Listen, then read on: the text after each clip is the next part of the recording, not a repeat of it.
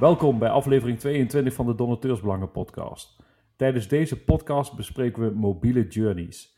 In deze podcastaflevering doe ik, Jordan, directeur-bestuurder Stichting Donateursbelangen, dit samen met Jeroen de Rooij, founder en sales director van Mobile Interaction Company. Welkom Jeroen. Dankjewel, goedemiddag. Uh, kun je de luisteraars vertellen, uh, Jeroen, wie je bent en wat je in het dagelijks leven zoal doet als het gaat om werk en hobby's? Jazeker. Nou, ik uh, ben Jeroen de Rooij, ehm, zoals je net al aankondigde. Um, 52 jaar oud, um, vader van drie kinderen, getrouwd. En sales director van MIC, zoals wij het noemen. en de oprichter van het, van het bedrijf. In het dagelijks leven, naast mijn werk, vind ik het heel erg leuk om een beetje te crossfitten. Uh, dus ik ben redelijk actief, uh, sport veel, uh, daarnaast ook wat golven. En koken vind ik erg leuk om te doen.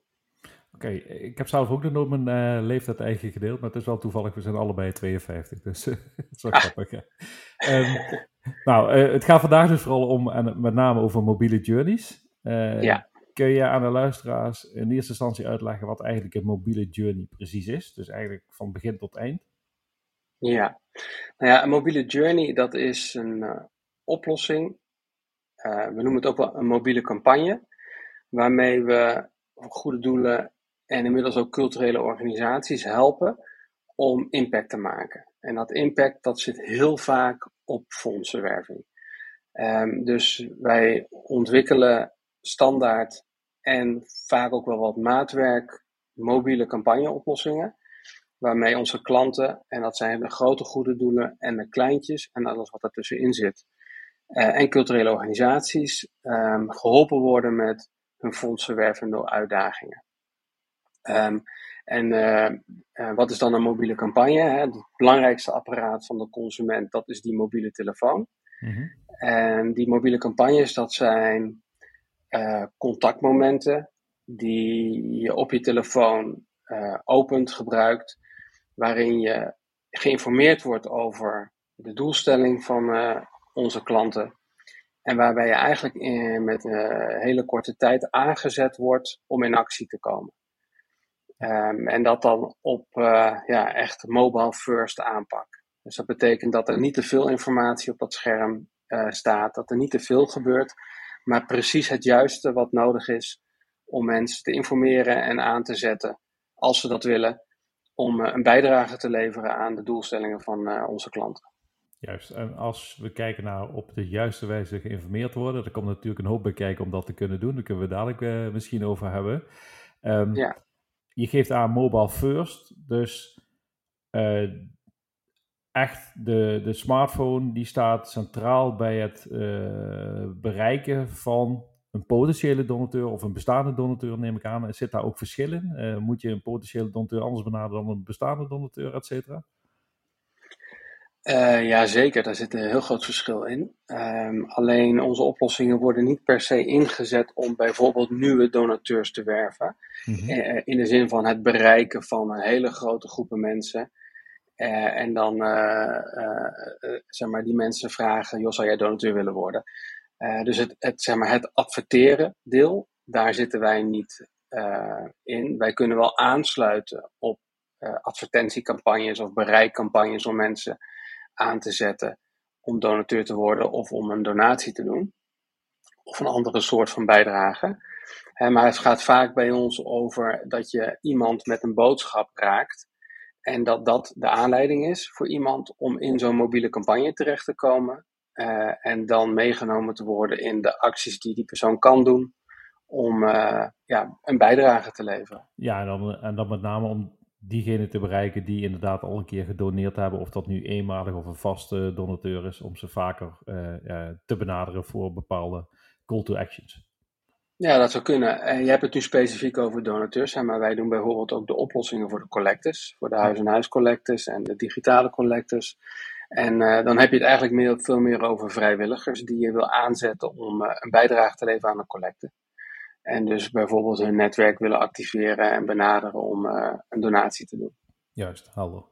Um, wat, kom, wat komt er allemaal bij kijken om een mobiele journey van de grond te krijgen en te laten slagen? Wat heb je allemaal nodig om een mobiele journey überhaupt te kunnen maken? Ja, nou, hele goede vraag. Hè? Dus uh, zeg maar, het, het, maken van een mobiele journey, dat start eigenlijk altijd met de hulpvraag. Hè? Van ja, waarvoor wil je hem gaan inzetten? Wat moet mhm. je, welke doelstellingen wil je daarmee bereiken? Uh, en dan al heel snel de tweede vraag, welke doelgroep wil je hem op loslaten? En um, ja, afhankelijk van natuurlijk de doelstelling en de doelgroep gaan wij um, zo'n mobiele journey uitwerken in wireframes. En dat zijn eigenlijk de schema's waarin je um, uitschrijft, uitschetst welke flow mensen doorlopen als ze gebruik maken van de oplossing. En uh, dat zijn alle, alle stapjes van uh, de eerste indruk tot eventueel de laatste conversiestap in detail uitgewerkt. Um, En dat gaan wij dan vervolgens vertalen naar de techniek wat dan uiteindelijk resulteert in een operationele oplossing voor een klant. En dan zit daar van alles bij. Hè? Bijvoorbeeld welke data wil je gaan verzamelen van donateurs. Waarbij ons uitgangspunt is less is more. Dus hoe minder gegevens je uitvraagt, uiteindelijk hoeveel beter dat zal gaan werken in je conversie omdat steeds meer mensen natuurlijk uh, ja, uh, hoe heet dat, minder gegevens willen, willen delen. Ja, privacybewust.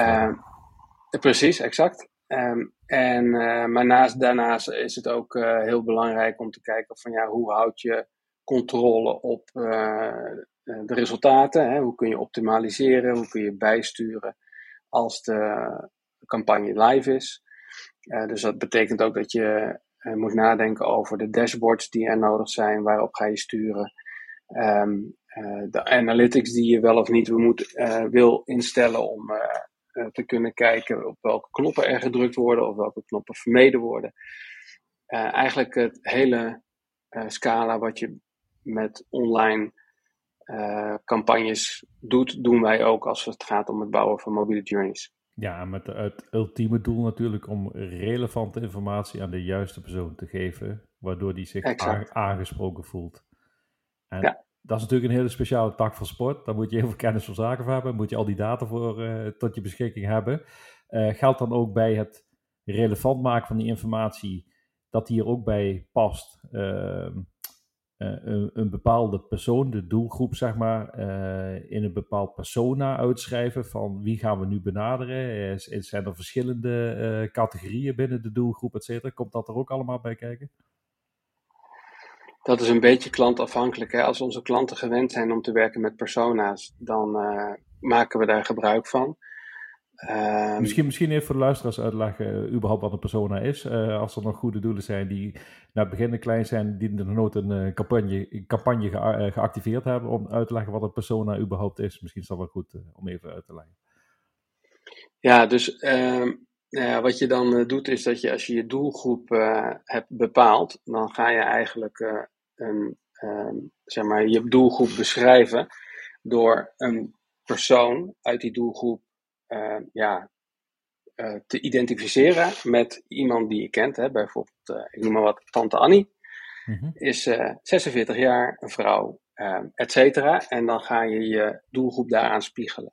Yes. En dan maakt het wat praktischer om zeg maar, naar verschillende soorten mensen waar je naar op zoek bent, je oplossing te gaan realiseren.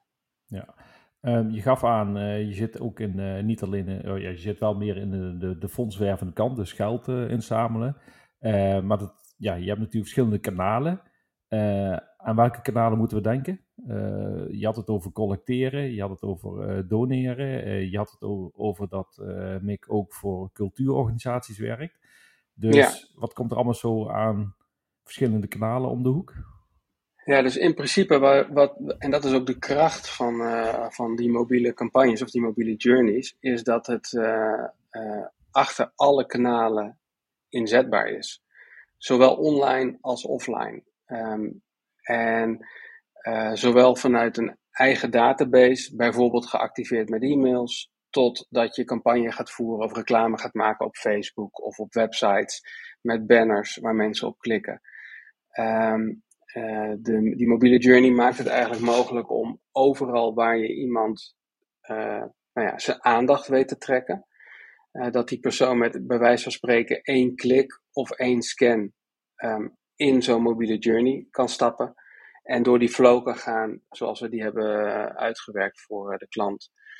Ehm, en daarmee maakt het, het, een ideaal geschikt mechanisme om als bij van spreken een funnel, een trechter, mm heel veel kanalen te ontsluiten om mensen met eenzelfde verhaal en met dezelfde doelstelling te activeren en ja, te kijken of je daar de voldoende conversie op kunt halen. Ja, dus, dus die mobiele journeys zijn super geschikt om achter heel veel kanalen tegelijkertijd in te kunnen zetten of het nou offline is of online, of dat nou achter banners is of e-mails. Uh, je kunt eigenlijk al die kanalen inzetten om mensen te proberen activeren voor je campagne, voor je doelstelling. Um, en uh, nou ja, wat bijvoorbeeld heel veel van onze klanten doen, is uh, tijdens zo'n collecte waar de collectant met een QR-code op pad gaat.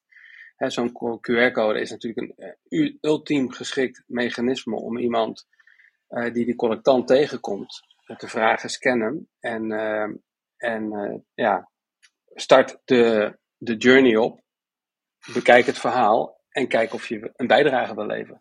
Ja. Dus dat misschien, is, dat, misschien, dat ja, misschien een leuke anekdote van mijn kant hierover. Uh, we hebben natuurlijk zelf vanuit Stichting Geef Raad, voordat we Stichting Donateursbelangen werden, ook nog een uh, crowdfunding platform gehad en de donatiemogelijkheden, et cetera. Ik denk dat ik zo'n 13 jaar geleden een nieuwsbrief heb verstuurd naar goede doelen, waarin ik een QR-code uitlegde als zijnde hybride kunnen doneren van QR naar online. Nou, dat was de tijd ver vooruit, zeg maar. Ik herinner die dag nog steeds als de dag waarop ik zoveel vragen terugkreeg van goede doelen. Waar heb je het over? Wat is dit? Hoe werkt dit? Et cetera. Dat ik denk ik een, een week lang nodig had om uit te leggen hoe je uh, hybride vanaf een QR-code, dus vanaf je briefpapier bijvoorbeeld met een QR-code op je standaard briefpapier naar een online donatie zou kunnen gaan. En dat is wel grappig om te zien hoe eigenlijk nu het wel de standaard aan het worden is om daadwerkelijk ook uh, ja, hybride vanaf andere uh, manieren, papier, et cetera, naar een online donatie te gaan. Ja, ja, absoluut. En, en zeg maar de gebruikelijk, of de, zeg maar wat je nu best wel veel ziet, ziet bijvoorbeeld bij DM's, hè, dat je een QR-code hebt die je scant en dan meteen een betaaltransactie start. Ja. Um, wat wij uh, um, daarmee kunnen is bijvoorbeeld tussen die stap, of nou eigenlijk in plaats van dat je meteen je betaal-app opent, dat je eigenlijk een uh, mobiele journey opent waar het verhaal wordt toegelicht uh, en waarmee je mensen eigenlijk in een warm bad ontvangt voordat je ze ook daadwerkelijk meteen die donatie laat doen. Uh, waardoor je bijvoorbeeld uh, het, het bedrag wat mensen gaan doneren kunt beïnvloeden naar bijvoorbeeld een iets hogere donatie, omdat ze begrijpen hoe belangrijk het is om te doneren. Ja, en heb je dan ook bijvoorbeeld van die voorkeurinstellingen, dat je zelfs met een beetje nudging noemen ze dat geloof ik, kunt aangeven van hey, als je naar iets meer gaat, dan kunnen we iets meer doen met het geld wat u geeft. Exact, dat soort mechanismes kun je dan gebruiken. En dat zit hem echt in gewoon mensen bewust maken van hoe belangrijk het is om te doneren en wat het effect kan zijn als je die donatie doet. Ja, wat ik zelf heel interessant vind altijd is, uh, ieder jaar komt er wel een nieuw kanaal bij. dus we hebben allerlei manieren. We hebben e-mail, we hebben sms, we hebben WhatsApp, we, hebben QR-codes, we hebben voice response systemen. Uh, je kunt het zo gek niet bedenken. Um, horen al die kanalen naadloos in elkaar over te gaan en hoe verwerk je dat in een campagne dat het überhaupt kan? Of is het wel degelijk vooraf bepaald met zo'n flow van wij pas het specifiek deze kanalen toe. Maar we houden wel bij op welke kanalen iemand zit. En we kunnen via een ander kanaal bijvoorbeeld weer inbreken of verder gaan. Ja, nou ja, inbreken en verder gaan, dat vind ik uh, denk ik niet de juiste uh, verwoording. Mhm. Maar kijk, je hebt volgens mij gewoon te maken tegenwoordig met een consument die niet te vangen is op één plek. dus je moet rekening houden dat mensen overal en nergens uh, zich manifesteren. En volgens mij de oplossing om daar uh, de juiste, of de aanpak om daar de juiste oplossing voor te vinden, is te zorgen dat je uh, een plek hebt waar je mensen kan ontvangen, ongeacht vanuit welk kanaal ze komen. Um, en ze daar met, uh, ja, met een inhoudelijk sterk verhaal, kort, snel, want niemand heeft tijd, kort en snel kan vertellen van joh, het is belangrijk dat jij dit of dit, hè, want wij zijn met die doelstelling dit aan het doen. En dan moet het ook heel makkelijk voor mensen te zijn om daarop te kunnen reageren als ze dat willen doen. En dat is wel wat wij doen met onze oplossingen, met die mobiele journeys. Hè. Dus je kunt dat eigenlijk zien als een soort van centraal plekje waar je mensen kan ontvangen, ongeacht vanuit welk kanaal ze komen. En waar je ze heel snel kan vertellen van, joh, dit is waarom het belangrijk is om een bijdrage te leveren. En ze dan ook meteen in staat stellen om die handelingsperspectieven waar te maken. Ja, uh, wij hebben natuurlijk een donateursbelangen podcast. En we kijken ook naar de kant van de gever. Daarom is het ook zo interessant om hier toch wel wat op in te duiken. Ook omdat je al aangaf uh, ja, dat uh, consumenten zich steeds meer privacy bewust worden, et cetera. Um, waar moet je aan denken als donateur? Als je eigenlijk benaderd wordt door een goed doel, waarbij je al eigenlijk gedoneerd hebt, en je met zo'n mobiele campagne benaderd wordt voor, om te specifiek te geven aan iets extra's of meer, et cetera, et cetera. Uh, wat wordt er allemaal benut van jouw gegevens om jou dus inderdaad op die verschillende manieren te kunnen benaderen? Ja, nou, laat, ik even beginnen dat toen ik uh, begon met uh, het oprichten van MIG, was een van mijn uitgangspunten dat in tegenstelling tot de, destijds de beweging van big data, hè, organisaties wilden zoveel mogelijk data verzamelen om te kunnen voorspellen wie wordt mijn klant en wat zou die weer willen bestellen na een vorige bestelling, om met juist zo min mogelijk data um, de conversie te realiseren. Dus het uitgangspunt van onze oplossing is altijd niet zozeer zoveel mogelijk data, maar veel meer het juiste moment waarop je iemand uh, onder de aandacht komt bij iemand. En dan op basis van de context mensen vertelt waar je mee bezig bent en ze nou ja, een handelingsperspectief aanbiedt. Uh, dus ons uitgangspunt is eigenlijk met zo min mogelijk gegevens zoveel mogelijk resultaat halen. Uh, en dat gezegd hebben, betekent dat dus dat wij ook niet gebruik maken van um, uh, nou ja, zeg maar, gegevens die in het verleden zijn uh, opgehaald. Uiteraard heb je natuurlijk je donateurs in een database staan als je een goed doel bent. En mhm. heb je gegevens van die donateurs, hoe vaak ze hebben gegeven en al dat soort zaken. Uh, als een uh, goed doel met een mobiele journey van MIC mensen gaat vragen om vaker te geven of meer te geven, Um, dan gaan wij het gesprek aan met het goede doel. Vertel ons maar waarom, hè, wat is de doelstelling, wat ga je met dat geld doen, waarom. En dan willen we dat, die informatie gebruiken om bestaande donateurs te vertellen dat het zinvol is uh, en wenselijk is dat ze nog een donatie doen als ze dat kunnen missen. Um, en uh, dat betekent dus dat de analyse van welke donateurs gaan wij vragen om uh, nou ja, nog een keer een donatie te doen. Dat wordt gedaan bij onze klant. En wij kunnen er dan voor zorgen dat het juiste verhaal de juiste manier wordt overgebracht. Yes, maar hoe kijk je dan naar initiatieven? Uh, want er is toch wel een modewoord gaande dat in de komende tijd we data-driven fundraising gaan krijgen, waarbij het noodzakelijk is om alles vast te leggen, waaronder het klikgedrag op de website, uh, wat allemaal naar een specifiek uniek ID, oftewel die donateur, uh, te herleiden moet zijn, zodat je hem nog beter kunt bereiken. Dus ook goed gepersonaliseerd. Hoe kijk je daarnaar? Want dat is wel wat je veel hoort nu in de wandelgangen van we moeten echt naar big data driven fundraising uh, oplossingen toe. Ja, nou kijk, ik denk dat voor goede doelen en culturele organisaties hetzelfde geldt als voor commerciële bedrijven. Hè. Ken je klant, dat is wel heel belangrijk hè, om ze op de juiste manier te kunnen bedienen. Uh, er zijn natuurlijk allerlei regels waarop, uh, of die bepalen wat je wel en wat je niet kan doen met gegevens van, uh, van donateurs of van klanten. Dus ik vind dat organisaties daar zich aan moeten houden. Hè. Dus je moet je rekening met de wetgeving, de privacywetgeving en al dat soort zaken. Um, maar dat neemt niet weg dat het wel heel belangrijk is om je donateurs op de juiste manier te benaderen. Dat is een verantwoordelijkheid van onze klanten en daar denken we zeker met, zij, met hun in mee. Um, maar vanuit de, de dienstverlening van MIC wat wij juist voorstaan is um, ja, dat je mensen op basis van relevante contactmomenten of actualiteiten um, kunt, uh, een verhaal kunt vertellen op basis waarvan je ze vraagt iets bij te dragen. Hè? Dus dat, die conversie op basis van context. En dat daar onze klanten daarvoor iets moeten doen, namelijk bepalen welke als het over bestaande donateurs gaan, welke donateurs gaan we die verhalen geven? Ja, dan hoort daar wel bij dat je als klant, als goed doel, kunt bepalen wie moet ik welk verhaal geven. Dus je zult wel wat gegevens moeten verwerken. Juist. En uh, wat je eigenlijk aangeeft, doe dat met zo min mogelijk gegevens, maar dat je dit toch kunt uh, herkennen.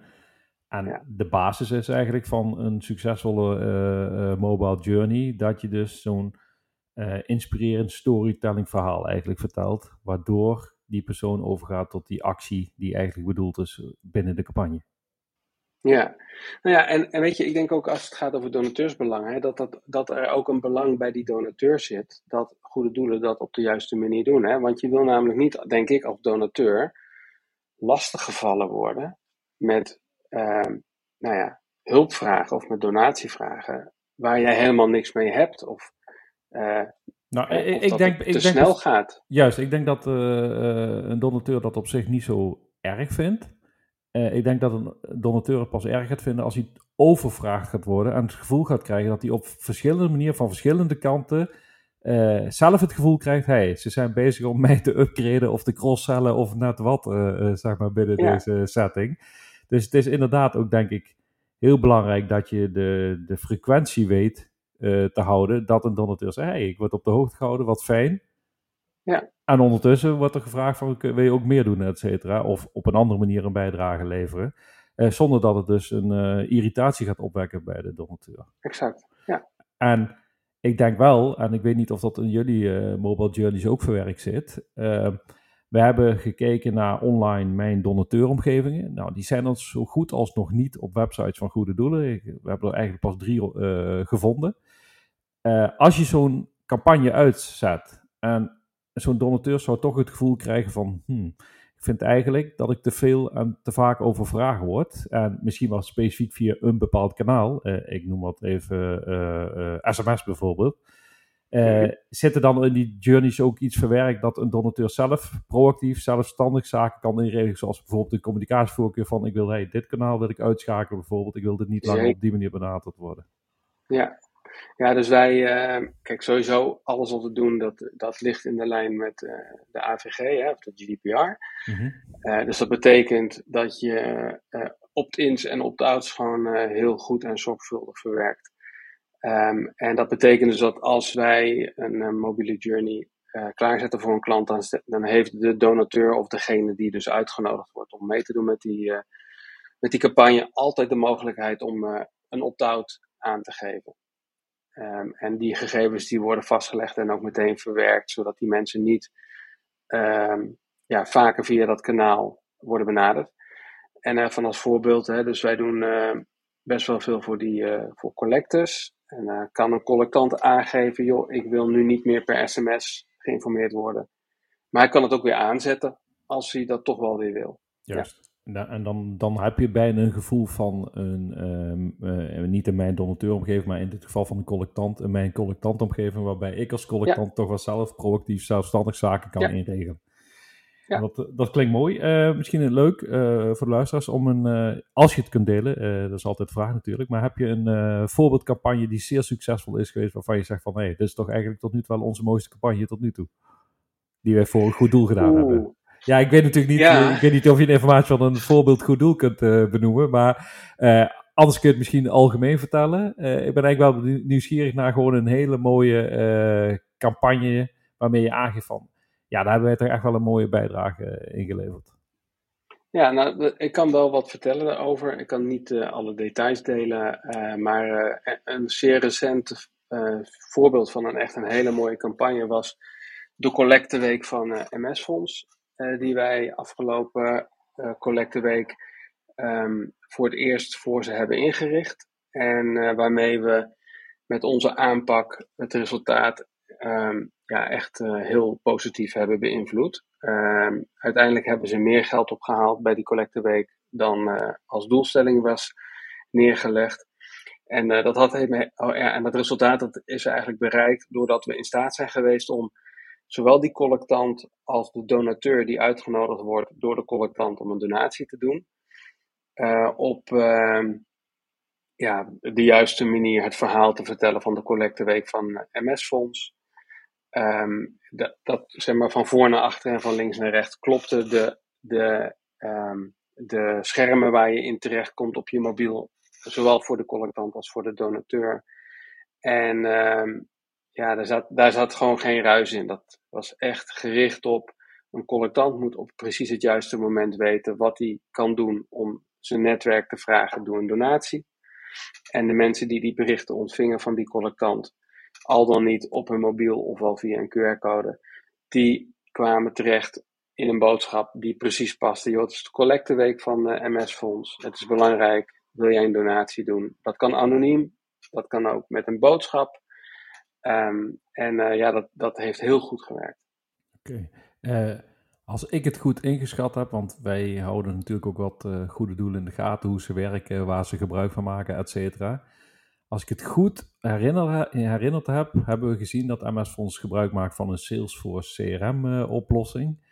Um, geldt dan dat jullie dus met je mobiele journeys kunnen inhaken op wie welke oplossing er ook is, waarbij je zegt van onafhankelijk van wat jullie als goed doel als uh, backend hebben, zeg maar, als uh, centrale uh, CRM-oplossing, kunnen wij onze oplossing daar binnen plaatsen. Ja, exact.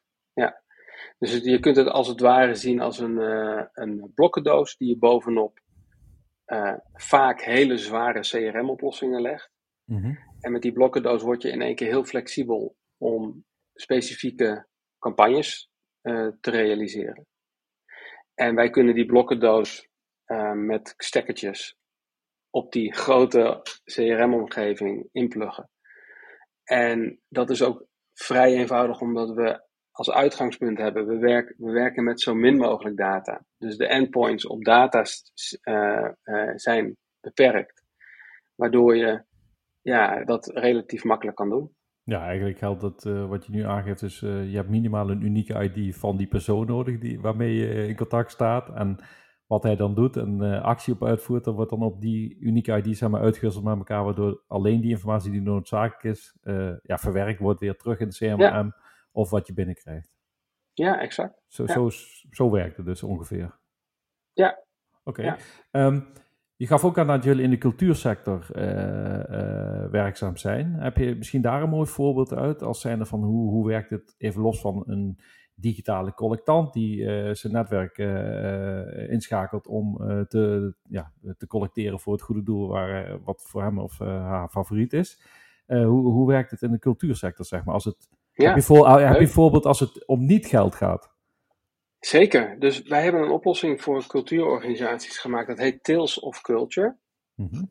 En met die oplossing kunnen uh, culturele organisaties uh, bij kunstwerken, bij objecten, bij locaties uh, verhalen maken. En die verhalen die worden ontsloten met een QR-code. Mm -hmm. Die QR-code die noemen wij ontdek-QR's. Ja. En die worden opgehangen op de plekken waar ehm, het museum het verhaal wil delen over dat specifieke object of locatie. En het publiek wat daar langs loopt, die kan, als ze geïnteresseerd zijn, die ontdek-QR scannen. Om het verhaal te ontdekken achter dat uh, kunstwerk of uh, die locatie.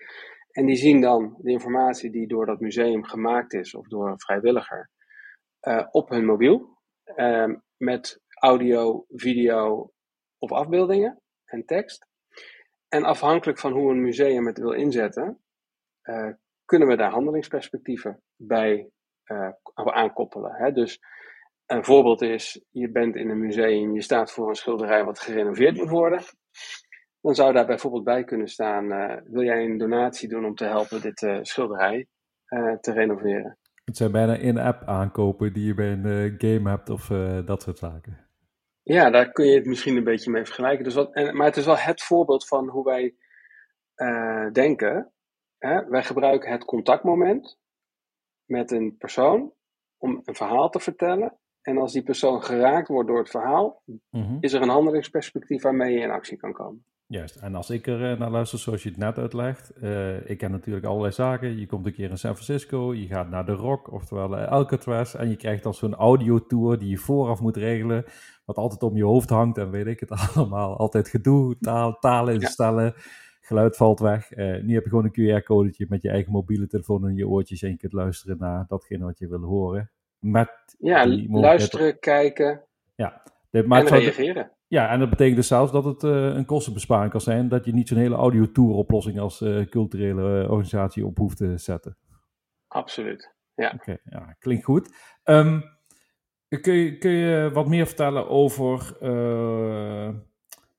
hoe donateurs, collectanten, die culturele instellingen uh, ja, bij culturele instellingen is het denk ik heel simpel. Iemand heeft een kaartje gekocht, die gaat uh, naar een, uh, een schilderij toe bijvoorbeeld. En die scant de QR-code en daarmee weet je misschien nog niet wie de persoon is. Of is dat zelfs ook bekend? Nee, dat, is, nee, dat wordt pas bekend als die persoon beslist zichzelf bekend te maken. Ja. Juist. Maar wat voor soort oplossingen komen er allemaal bij kijken? en dan hoef je niet in depth te gaan, zeg maar, de diepte in hoe het allemaal werkt. Maar wat komt er eigenlijk allemaal op je af als je met een campagne werkt? Want ik denk dat er ook goede doelen luisteren naar deze podcast. En ik denk dat er nog zat wat kleinere goede doelen zijn die eigenlijk nog een idee hebben hoe een campagne werkt en wat er allemaal bij komt kijken. als ik wel eens zeg, hebben jullie marketing automation oplossing? dan krijg je wel eens horen van marketing automation, wat doet dat precies? Dus ja. Uh, misschien is dat nog interessant om met deze podcast ook uit te leggen. Uh, wat zijn er allemaal voor mogelijkheden om uh, ja, al die verschillende kanalen te kunnen benutten en hoe dat, dus die personen en die doelgroep benaderd worden? Ja. Nou ja, dus wat wij vaak met onze klanten doen is, wat ik net al zei, hè, beginnen met welke doelstelling heb je. Um, en als bijvoorbeeld de doelstelling is, wij willen nieuwe donateurs werven, dan is vaak de vraag die ik aan ze stel, wat heb je je donateurs te bieden?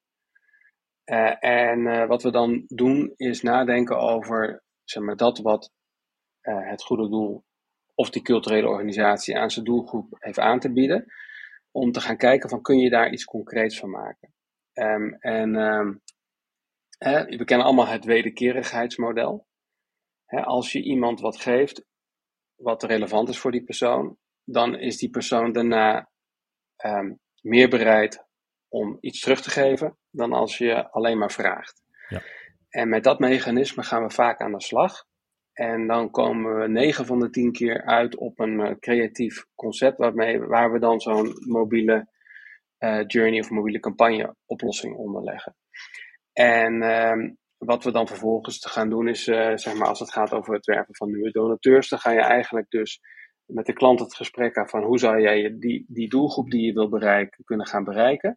En uh, welke call to action zou je die aan die mensen kunnen uh, aanbieden? En, en, hoe kun je dat dan doormeten, zodat je weet welke mensen gaan klikken, zodat je ook weet aan welke andere mensen je het kunt aanbieden. En op het moment dat mensen gaan klikken, dan komen ze dus in die mobiele journey oplossing en dan zorgt de oplossing ervoor dat daar een bepaalde conversie uitkomt. Um, ja, dus dat kan zijn dat we dat dus doen voor het werven van nieuwe donateurs of nieuwe uh, abonnees van e-mail nieuwsbrieven voor culturele organisaties, musea. Um, maar we zetten het ook in om loyaliteit te vergroten. Hè. Dus je zou kunnen zeggen bestaande donateurs of relaties bedanken voor het feit dat ze uh, donateur of relatie zijn. En, um, en dan eigenlijk ze, ja, zorgen dat er iets gebeurt waardoor de relatie wordt versterkt tussen um, het individu en de organisatie. Um, tot uh, het voorbeeld wat ik net gaf van uh, Tales of Culture is eigenlijk ja, mensen informeren en met die informatie zorgen dat er relaties ontstaan waar je wat uh, in de toekomst aan hebt. Ja, nou dat, dat is echt een ja, dat spreekt echt aan dat voorbeeld. dat je inderdaad zo simpel, je gaat ergens naar binnen, je scant een QR-code, je luistert naar iets. Maar je kunt natuurlijk geraakt worden door datgene wat je ziet, luistert of uh, ja, ziet inderdaad. En dat je dan inderdaad ja. uh, tot actie overgaat. Uh, ik weet vanuit goede doelen, fondsenwervende afdelingen, dat er ook met KPI's worden gewerkt. Dus kritische prestatieindicatoren. Dus eigenlijk wanneer is het goed afgelopen, zo'n campagne. Of wanneer doe jij het als fondsenwerver goed, et cetera. zijn goede doelen zelfs zo ver in hun professionalisering dat als ze jullie inhuren als MIC, dat ze eigenlijk jullie ook een KPI opleggen als zijn er van vooraf willen we dit bereiken en dan is voor ons pas deze campagne geslaagd of gaat het niet zo ver? Nou, sterker nog, wij vragen onze klanten eigenlijk, of wij stellen deze vraag eigenlijk aan onze klanten altijd. Ja. En dus voordat we gaan starten, ehm, vragen we wat is jullie uh, doelstelling? Hè? Wanneer ben je tevreden? Um, zodat we ook meetbaar kunnen maken wat het effect is van onze dienstverlening en de oplossingen die we inzetten. En, ehm, en, gaan we ook, en hebben we ook dus een basis om met een klant een gesprek te voeren over van ja, als je een bepaald doel wil bereiken, ja, dan zul je ook echt wel uh, stappen moeten zetten en keuzes moeten maken op hoe je iets gaat aanbieden of hoe je iets gaat inrichten. Uh, om die uh, doelstelling ook te kunnen behalen. Ja, ja dat is eigenlijk het, hoe, hoe noemen we dat, vanuit het verleden. In Nederland wordt vaak gedacht, wij zijn vrijgevig als Nederlanders. Maar er wordt heel vaak vanuit de sector gezegd, ja, alleen als wij de G-vraag stellen, wordt er ook daadwerkelijk gegeven. En ja. het wordt nu ook steeds meer het, geval, het gevoel daarbij van de G-vraag moet ook nog zo gesteld worden dat het daadwerkelijk inspireert voordat er gegeven gaat worden. Waar vroeger nog wel eens mensen iedereen vertrouwden en gewoon zei van, oh je hebt geld nodig, hier heb je geld. Uh, je zult je nu echt moeten onderscheiden door te laten zien wat je doet, uh, omdat anders die kans op een donatie toch een stukje lager uh, wordt. Nee, maar dat is natuurlijk wel de complexiteit van de huidige situatie. Hè? Mensen worden overvraagd natuurlijk. Ja. En ja, dan moet je wel, denk ik, in dat geweld je kunnen onderscheiden. Hè? Zeg maar bij de ene donatievraag of giftvraag dan, van, van de ander. En dan is de what's in it for me, hè, waar krijg ik het beste gevoel van als donateur, wat, wat past bij mij, wat voelt goed, dat is een hele belangrijke. Ja, dat zien we de laatste jaren vooral. Hè. Uh, goede doelen krijgen vanuit alle kanten uh, concurrentie. Want uh, particulieren kunnen zelf crowdfunden via donatieplatformen. ondernemingen moeten duurzamer worden. schakelen snel over naar het zijn van een social enterprise met gewoon winstbejag, maar wel om de wereld beter te maken. Dus iedereen presenteert zich bijna tegenwoordig als een goed doel zijn. Of het nu een particulier bedrijf of een goed doel is. Ja, nee, dat is absoluut waar. En dan moet je um, ja, best wel van goede huizen komen om in dat geweld, in dat communicatiegeweld, uh, op te vallen. En uh, je doelgroep, uh, de aandacht van je doelgroep te kunnen krijgen om die conversie te realiseren die je nodig hebt. Ja.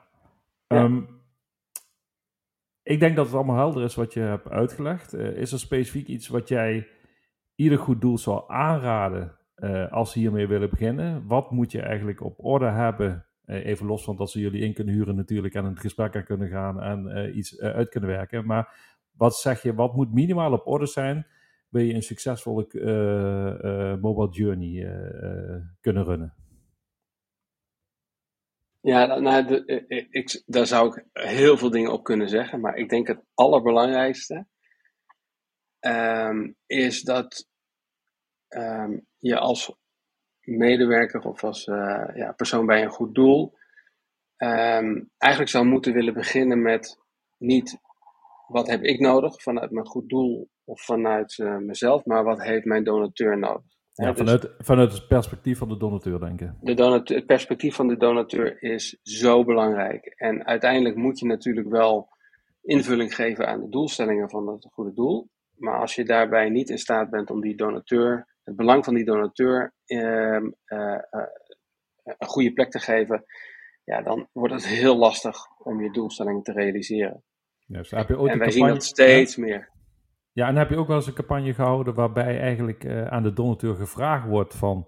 U bent donateur, maar wat vindt u belangrijk? En hoe zou die nog op een andere manier een bijdrage willen en kunnen leveren? Wordt het ook... Ja, het is dan bijna een soort van enquête, maar is dat wel eens uh, geprobeerd als goed doel zijnde? Dat ze echt zeggen van, u bent nu donateur, wat zou u nog meer willen kunnen uh, doen voor ons bijvoorbeeld?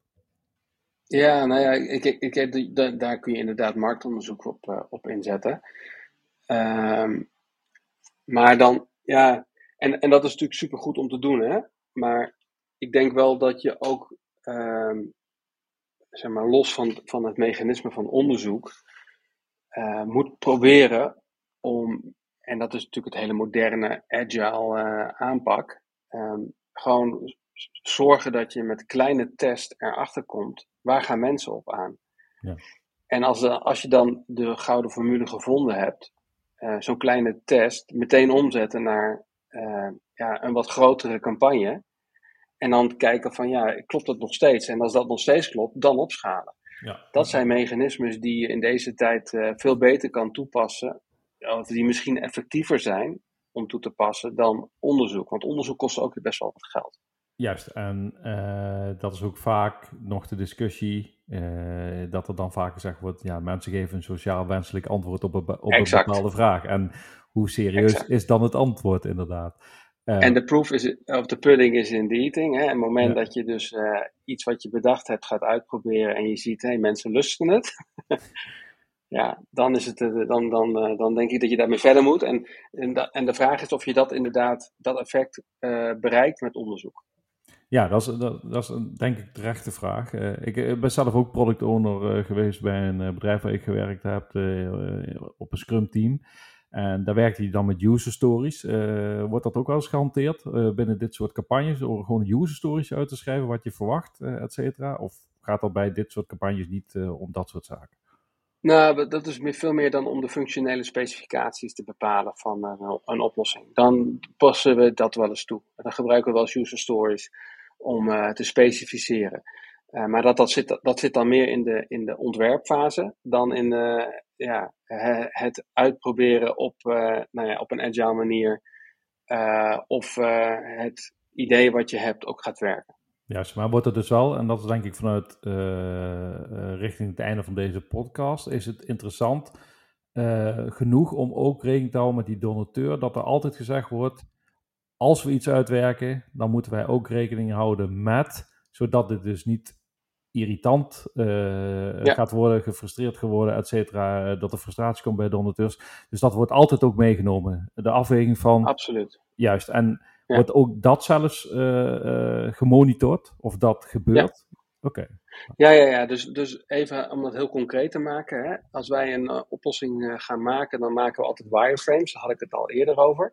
Mm um, en dat, dat, zeg maar, die wireframes, daar kun je die user stories onder leggen. Hè, of daarvoor gebruiken. En wat dan cruciaal is, is dat je, um, en dat is waar we met z'n allen in ons team heel erg um, uh, hoe heet dat, kritisch op zijn, is dat wat op dat scherm staat, is dat ook echt wat er moet staan om die persoon op dat moment de juiste boodschap te geven en uh, de juiste handelingsperspectieven te bieden. Ja. Nou, helder. Uh, nou, we lopen tegen het einde van de podcast, gaf ik al aan. is er iets specifiek waar je zelf het nog over wil hebben of wat je, wat je nog te tafel wil brengen?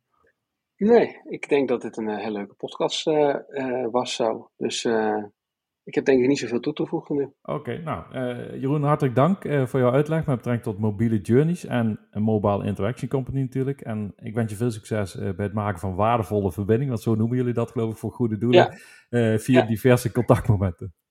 Ja, dankjewel voor de podcast. Ik vond het erg leuk.